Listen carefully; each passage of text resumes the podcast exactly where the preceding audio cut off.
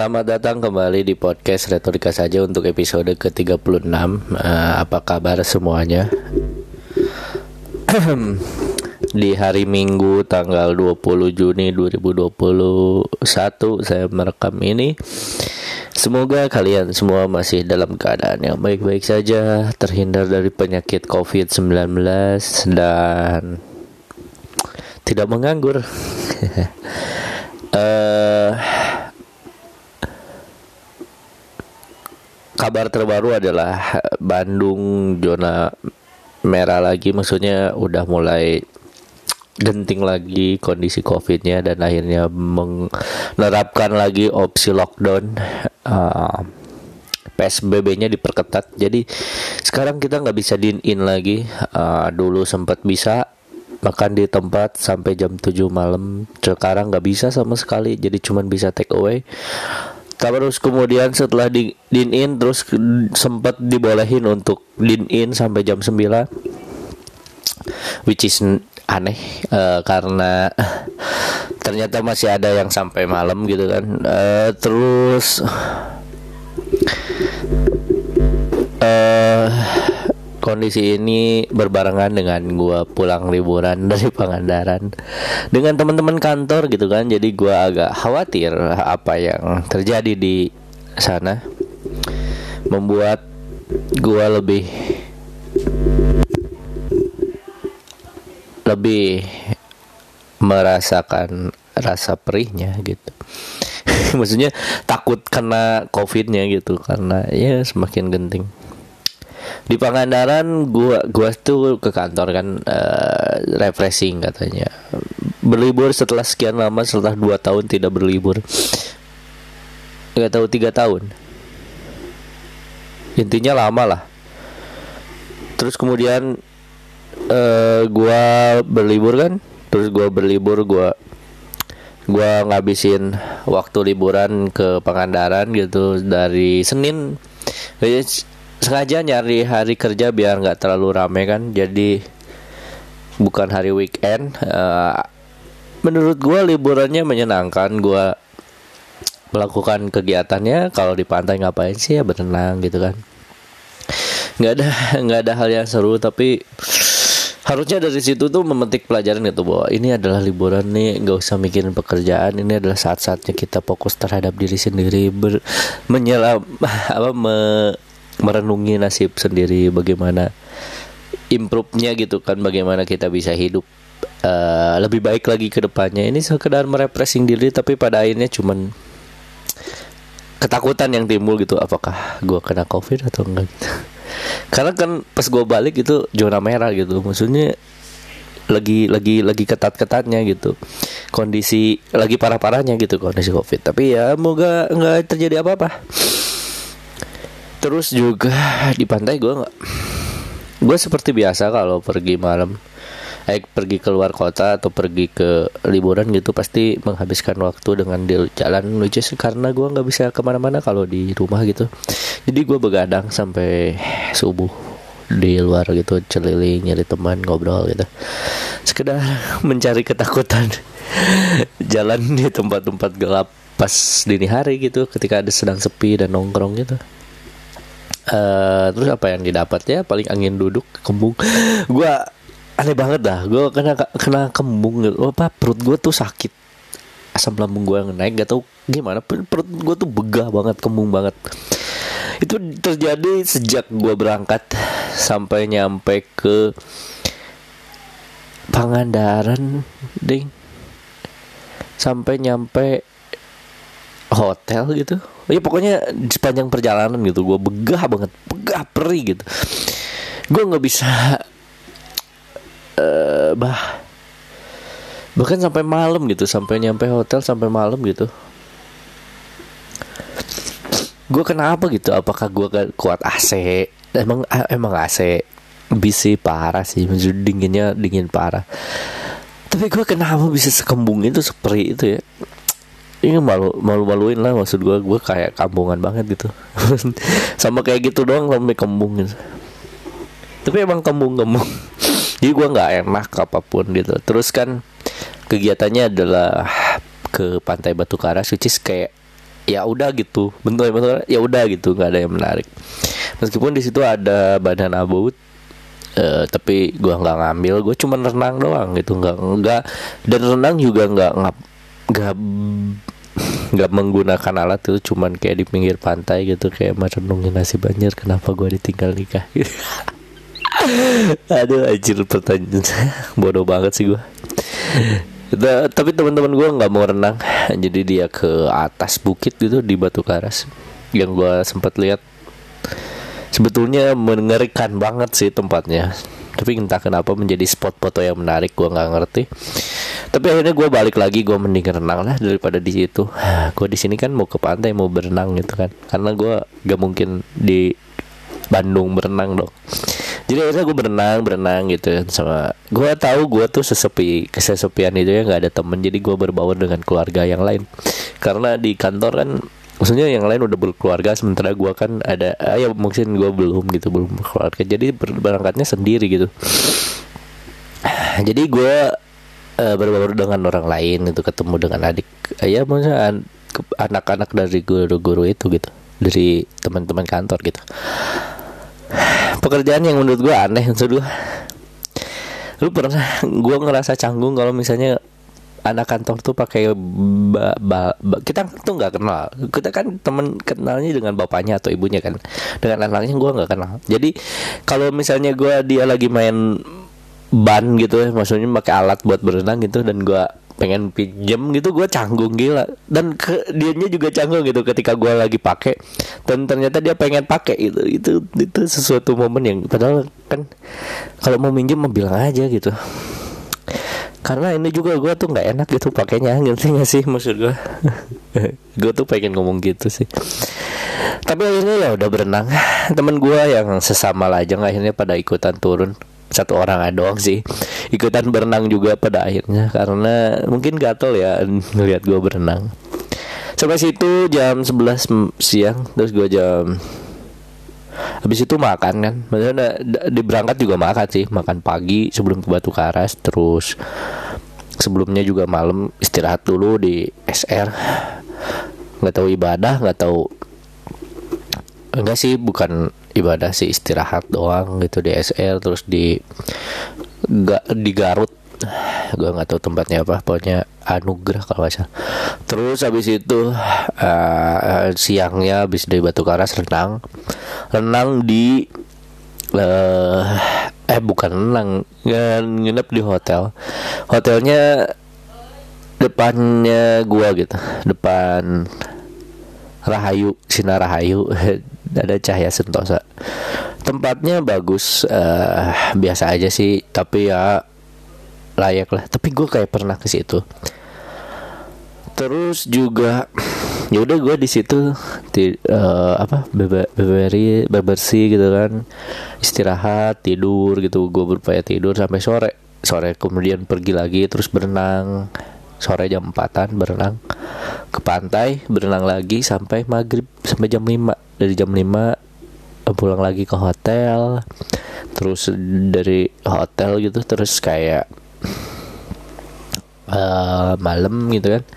Habis malam istirahat habis itu makan malam habis makan malam ada acara seremonial yang menurut gua aneh. Eh, tentang apa apa aja yang menjadi fokus ya pokoknya sekedar formalitas bahwa ini tuh bukan piknik tapi workshop gitu kan. Uh, terus juga habis itu ada hiburan dangdut dan gue menjadi liar di situ. Maksud gue gue tahu gue akan jadi badut gitu ya. Maksudnya gue harus jadi badut agar bisa menghibur orang-orang teman-teman kantor gitu. Dan sebagai badut gue gue juga harus punya rasa sebagai manusia gue juga punya rasa malu tapi gue harus jadi badut gitu. Jadi gue agak agak-agahan gitu. Yang pertama adalah karena gue nggak bisa joget. Gue nggak bisa joget. Jadi gue bingung gitu kan. Yang lucu adalah ketika ketika biduannya kan gue kan gue memeriahkan gitu ya datang ke situ duduk gitu. Terus kan biduannya ngomong aja ada yang mau pengen dinyanyiin gak pengen request lagu gitu request lagu apa. Pada diam semua biar ada diam. Request lagu ada beberapa lah 10 orang atau lebih. Pada diam gitu. Pengen request lagu apa pengen lagu gua tuh kayak gitu. Terus gue iseng iseng iseng. Nggak tahu apa. Gue pikir gak ada judulnya gak ada lagunya kan. Spiring berdua gue bilang teriak gitu dan ada ternyata lagunya Spiring berdua lagu lawas. Dan ternyata itu ada tentang lagu patah hati dan anjir gue gue tuh kayak nyindir banget hati gue yang sedang galau hari itu. Hmm, pada akhirnya gue terjebak dalam sebuah situasi yang canggung gitu sama biduan itu. Gue nggak bisa goyang tapi biduannya selalu memancing gue untuk ikutan goyang atau memberikan uang dari ya nyawer gitu. Gue nggak bisa goyang jadi gue dengan sedikit bercanda melakukan iseng uh, menggandeng berharap dia menggandeng gue ke atas panggung dan lainnya balik lagi. Ya begitulah nasib sebagai badut ya. Maksud gue untuk suatu keinginan yang keinginan untuk mendapatkan pasangan dan berga, berjalan di altar altar pernikahan tuh harus dengan biduan dan dibayar di 2000 dan menjadi tontonan badut orang lain gitu. Sedih banget gua kayak. Gue kayak mungkin mungkin dari presidennya pengen pengen melakukan itu sampai terbayangnya seperti itu. Sampai ngelakuin kejadian itu. Dan parahnya lagi abis itu adalah ada adegan gue di ijab kabulkan dalam tanda kutip dengan biduan itu yang gue kayak oh, wow. Ini suatu momen yang sangat sangat menyindir ya maksud gue gue ah. Gue nggak tahu lah itu ah, kenapa ada situasi itu. Mungkin karena gue umur gitu maksud gue gue umur 26 tahun itu gue nggak udah dulu gue udah nggak ada. Bah, fokus apalagi kerja udah ada gitu. Gelar udah selesai maksudnya pendidikan udah beres gitu. Ya udah sih bercandanya ya paling soal menikah gitu. Dan gue kayak kok ya, ya sebagai badut sih emang harus jadi korbannya ini gue jadi mempelai pria which is ya ya menyedihkan dan menyakitkan sih kalau dibayangin. Tapi ya kak demi humor maksud gue demi lawak sih lu harus jadi harus ada korban kan. Dan di situ gue yang jadi korban. Habis itu gua capek sampai jam 10 malam istirahat. Perut gua juga sakit karena kembung kan. Terus gua masih kembung tuh. Gua nggak tahu tuh. Uh, pokoknya udah sampai pagi masih kembung, tapi udah nggak separah pas berangkat. Habis itu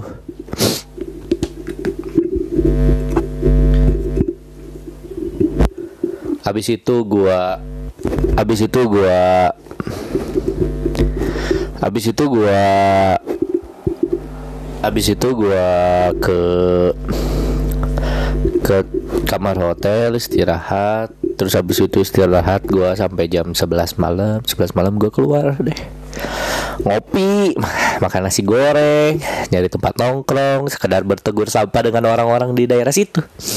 Sekedar menceritakan tentang bagaimana nasibnya setelah pandemi. Ya menurut gue sih nggak ada hal yang berubah sih. Ya gitu-gitu aja. Malah sekarang ada bagus. Uh, dulu Pangandaran gak punya coffee shop. Sekarang ada coffee shop kayak mudah banget gitu ada sekarang. Dan ownernya juga cukup muda jadi kelihatan lah improve-nya gitu. Meskipun gue tahu masih ada pemikiran-pemikiran orang tua yang ada di situ sih. Uh, terus apa lagi ya habis itu pulang habis itu habis itu uh, hmm, habis itu pulang jam satu malam gue sampai jam 3 subuh lah di luar gitu. Habis itu pulang jam 3 jam 3 gue tidur. Habis tidur gue bangun terus makan pagi. Habis bangun makan pagi terus mandi terus berangkat lagi ke pasar ikan. Uh, belanja asinan asin asin apa ya pokoknya asin. Terus habis beli asin sama kerupuk habis itu balik lagi ke hotel. Gue jalan kaki di situ dan gue nyesel karena ternyata habisnya bengkak dan lecet. Yang mana gue di jajar aja nggak bisa nggak pernah jalan kaki sejauh itu. Tapi kenapa di Pangandaran mau? Gue nggak ngerti kenapa gitu kan.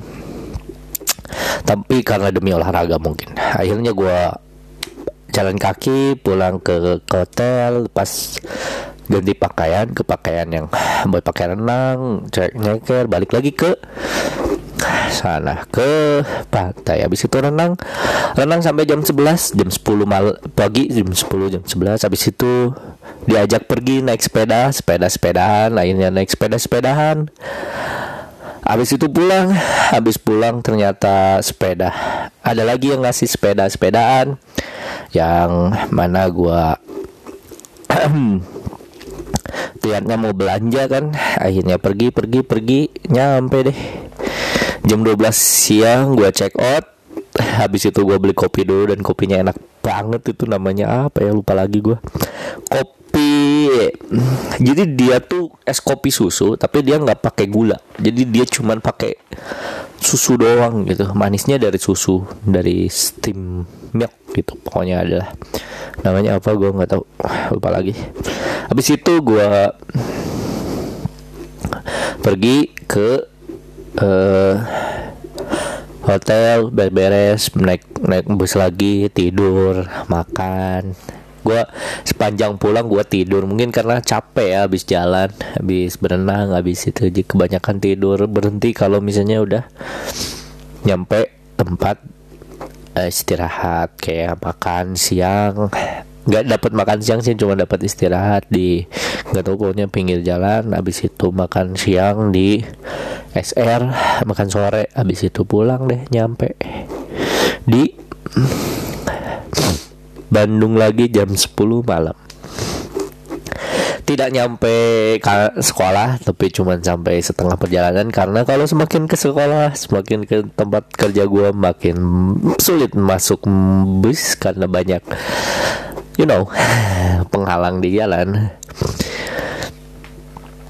di SE mampir gue nggak sempat beli bakso. Eh nggak tahu nggak asik.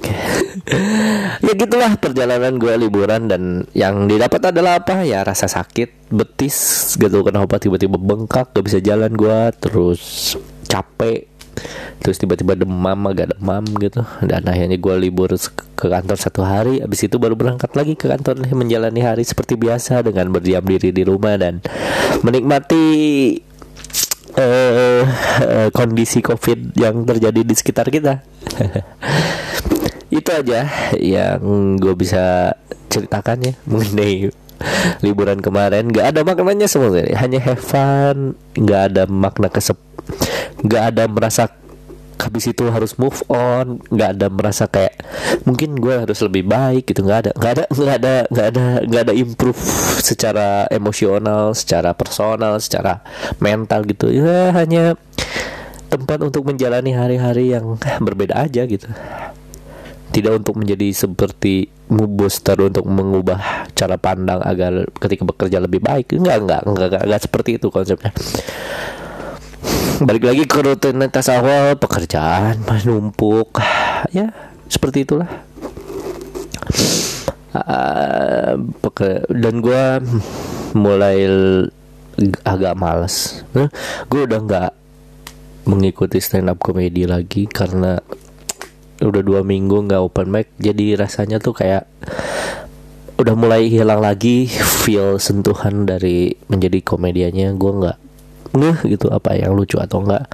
Gue sedang berusaha membangkitkan itu dan tapi rasa males mengguncang. Dan apalagi pertandingan Euro sepak bola menarik bagi gue Ki pertandingan semalam gue begadang. Karena ini kebetulan hari Minggu dan malam hari Minggu itu hari libur jadi gue kayak ya udah begadang aja nonton bola sampai jam 3 subuh.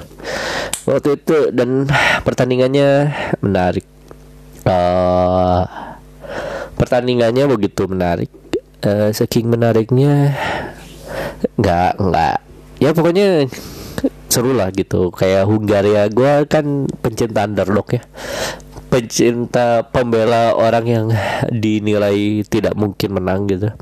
Gue tuh selalu seneng di posisi underdog diremehkan direndahkan di, tidak diunggulkan. Nah seperti Hungaria dan gue sangat bangga dengan perjuangan Hungaria. Dia bisa menyeimbang bikin imbang dengan Perancis rasanya kayak menang gitu. Padahal cuma imbang doang gitu dengan Perancis. Habis itu Portugal dan lawan Jerman gua nggak nyangka Portugal dibantai 4-2 itu kan karena gue sebetulnya sangat mendukung Portugal dengan Renato Sanchez dan beberapa pemain kayak William Carvalho tuh. Gue sangat suka permainan seperti dia main just simple gitu kayak cuman membagi jadi poros di tengah kayak menjadi proteksi di lini belakang gitu. Sekedar untuk membagi bola dari kiri ke kanan kayak, kayak switch play switch play gitu. Itu adalah sebuah seni permainan sepak bola yang gue pengen gitu. Yang gue suka. Nah tapi akhirnya cuman kalah oleh sebuah strategi menyerang tiang jauh eh, lewat crossing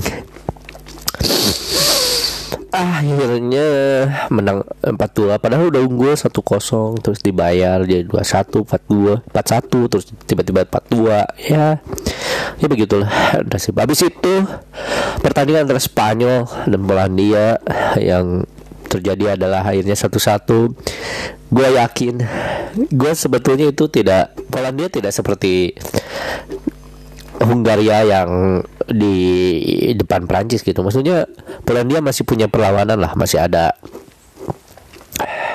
masih ada Lewandowski, Lewandowski, you know, pemain terbaik, pencetak paling uh, pencetak gol terbaik abad ini dengan memecahkan gol Gerd Muller gitu kan di Bundesliga. Yang yang bahkan gitu ya rasio golnya tuh kayak dua perta eh, satu gol satu pertandingan untuk dua gol gitu kayak dia pasti nyetak gol dalam satu pertandingan gitu jadi gue rasa itu se se uh, apa sedikit diunggulkan Spanyol itu ya. Tapi apa yang terjadi kemudian adalah Spanyol yang begitu sulit gue rasa sebagai tim Spanyol itu harus dirukiah deh. Kayak kayak dia sial dulu gitu depan gawang. Kayak udah banyak peluang gitu tapi gagal terus gagal terus di untuk sesuatu hal-hal yang sepele itu kayak tendangannya keselipet lah atau cuman hal-hal yang ih gitu. Kayak greget banget gue nontonnya gitu kan. Pengen menang pengen menang banget gitu. Jadi seru pertandingan yang di grup F ya. Pokoknya antara Jerman di, di Euro itu ada grup neraka katanya. Bukan maksudnya bukan grup neraka sih. Gue nggak suka istilah itu. Pokoknya grup berat lah. Grup seru. Gue lebih suka grup seru. Ada Prancis ada Jerman ada Portugal dan ada Hungaria masing-masing dari keempat ini masih bisa lolos ditentukan oleh pertandingan terakhir dan itu akan sangat menarik karena Prancis lawan Portugal dan Jerman lawan Hungaria. Kita tahu Hungaria gue yakin bisa menyeimbangkan Jerman mengingat Prancis saja bisa gitu diseimbangkan dengan uh, Hungaria gitu. Jadi dan gue yakin pertandingan antara Portugal dan Prancis itu adalah pengulangan Piala Eropa tahun lalu, final Piala Eropa tahun lalu sebelumnya ada sebelumnya dan itu sangat menarik karena golnya tidak disangka-sangka dari seorang Eder. Jadi gue harap ini akan terjadi pertandingan yang menentukan oleh pemain yang tidak jelas lagi. Gitu. Ada pokoknya pemain yang tidak ter terkawal. Tapi gue yakin dan gue berharap Benzema memberikan sentuhan terbaiknya buat Portugal. Eh buat Prancis minimal bikin gol lah gitu. Kasihan gue udah udah berapa ya? udah tujuh tahun. Kan pokoknya udah berapa lama gitu ya nggak pernah main di timnas. Eh main di timnas malah pelempem. Sedih sedih banget. Gue pengen epic comeback gitu buat Benzema. Dan hopefully epic comebacknya nggak di Portugal. Eh nggak lawan Portugal ya. Tapi meskipun uh, gue berharap sih di Portugal hopefully di Portugal comebacknya. Tapi cuma nyetak gol tapi yang menang tuh Portugal. Gitu sih yang gue harap terjadi gitu. Besok Senin uh, mulai lagi sekolah gitu kan uh, penentuan kenaikan kelas habis itu pembagian rapot habis pembagian rapot PPDB habis PPDB gua PPDB libur sekolah tahun dan kembali lagi balik 19 Juli tahun pelajaran baru gitu. Itulah yang gua rasakan hari ini. Jadi terima kasih yang mau yang masih mendengarkan podcast ini. Thank you. Jangan kapok coba kalau lu dengerin share dong ceritakan ke orang-orang bahwa ada podcast yang seaneh ini dan seunik ini dan setidak jelas ini maksud gue sekedar buat menghibur diri gue yang tidak punya apa-apa. Terima kasih untuk yang sudah dengarkan. Jangan lupa untuk tetap jaga kesehatan uh, patuhi protokol kesehatan uh, nama gue Akbar dan ini hanya semua dan ini semua hanya retorika. Terima kasih